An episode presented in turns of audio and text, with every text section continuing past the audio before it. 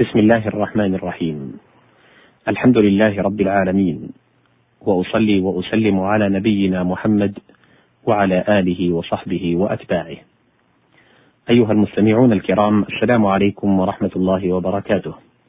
أحييكم وأرحب بكم في مطلع هذه الحلقة التي تتناول فيها الفاظا غريبة من القرآن ونبين بعض ما قالته العرب في المعنى ذاته. لا يزال الحديث موصولا في مادة الجيم والنون والباء. جنب قال الله سبحانه وتعالى: يا حسرة على ما فرطت في جنب الله. أي تركت من أمر الله. يقال ما فعلت في جنب حاجتي. قال كسير: ألا تتقين الله في جنب عاشق له كبد حر عليك تقطع.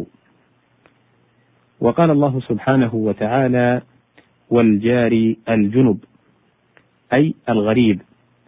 يقال ما تأتينا إلا عن جنابة أي من بعيد. قال علقمة بن عبدة فلا تحرمني نائلا عن جنابة فإني امرؤ وسط القباب غريب. وإنما هي من الاجتناب.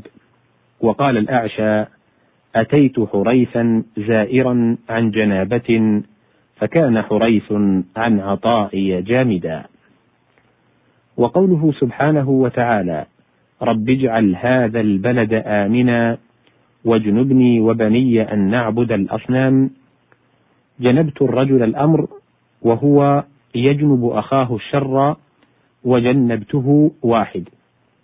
وقال الشاعر وتنقض مهده شفقا عليه وتجنبه قلائصنا الصعابا وشدده ذو الرمة فقال وشعر قد أرقت له غريب أجنبه المساند والمحالا مادة الجيم والنون والحاء.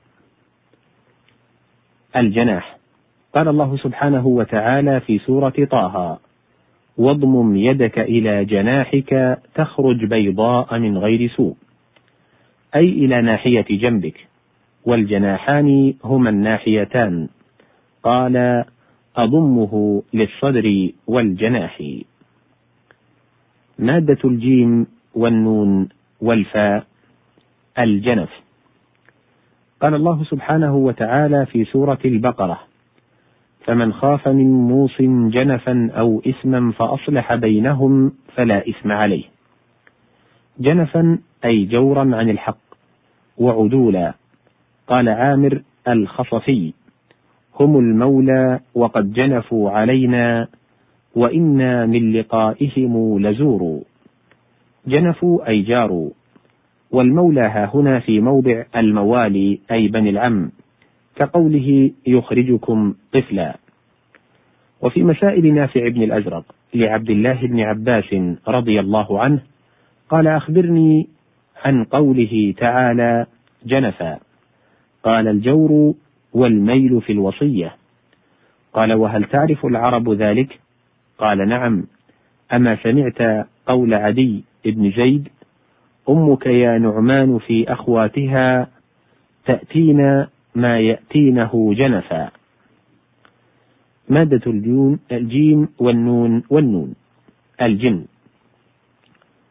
الجن من الاجتنان وهو الاستتار يقال للدرع جنة لأنها سترت ويقال أجنه الليل أي جعله من سواده في جنة وجن عليه الليل. وإنما سموا جنا لاستتارهم عن أبصار الإنس. وقال بعض المفسرين في قوله تعالى فسجدوا إلا إبليس كان من الجن ففسق عن أمر ربه أي من الملائكة فسماهم جنا لاجتنانهم واستتارهم عن الأبصار.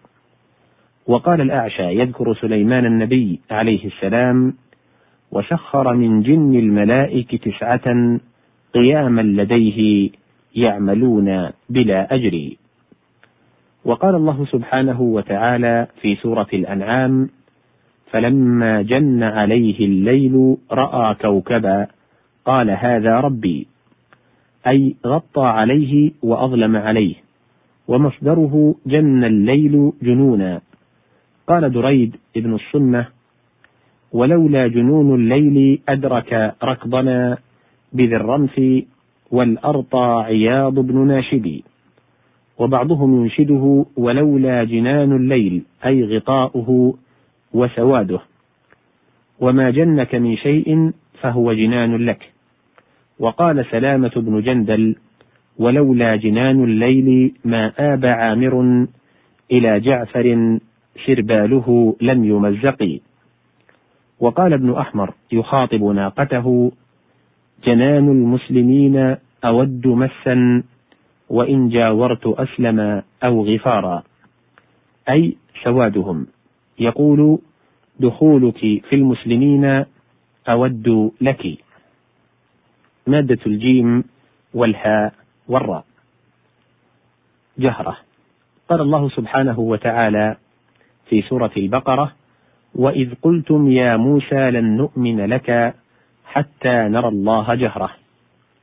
قال ابن عرفة أي غير محتجب عنا. يقال جهرت الشيء إذا كشفته ووجه جهير ظاهر الوضاءة. قال ويقال جهرته واجتهرته أي نظرت إليه ولا حجاب بيني وبينه. ومنه قوله تعالى بغتة أو جهرة. هو أن يأتيهم العذاب وهم يرونه. وفي حديث علي رضي الله عنه أنه وصف رسول الله صلى الله عليه وسلم فقال من رآه جهره أي عظم في عينه.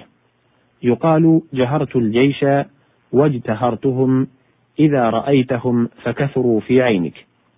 ومنه حديث عمر رضي الله عنه إذا رأيناكم جهرناكم أراد أعجبنا أجسامكم والجهر حسن المنظر.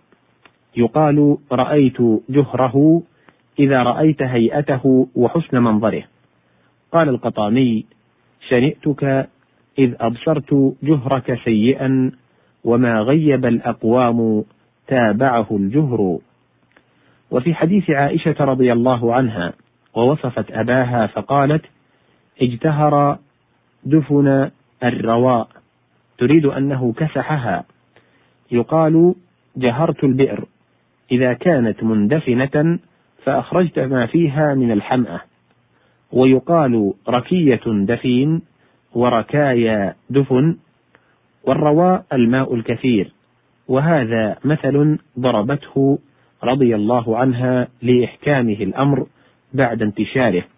شبهته برجل أتى على آبار وقد اندفن ملؤها فأخرج ما فيها حتى نبع الماء. هنا تنتهي هذه المادة، وبه تنتهي هذه الحلقة، إلى لقاء قريب بإذن الله، والسلام عليكم ورحمة الله وبركاته.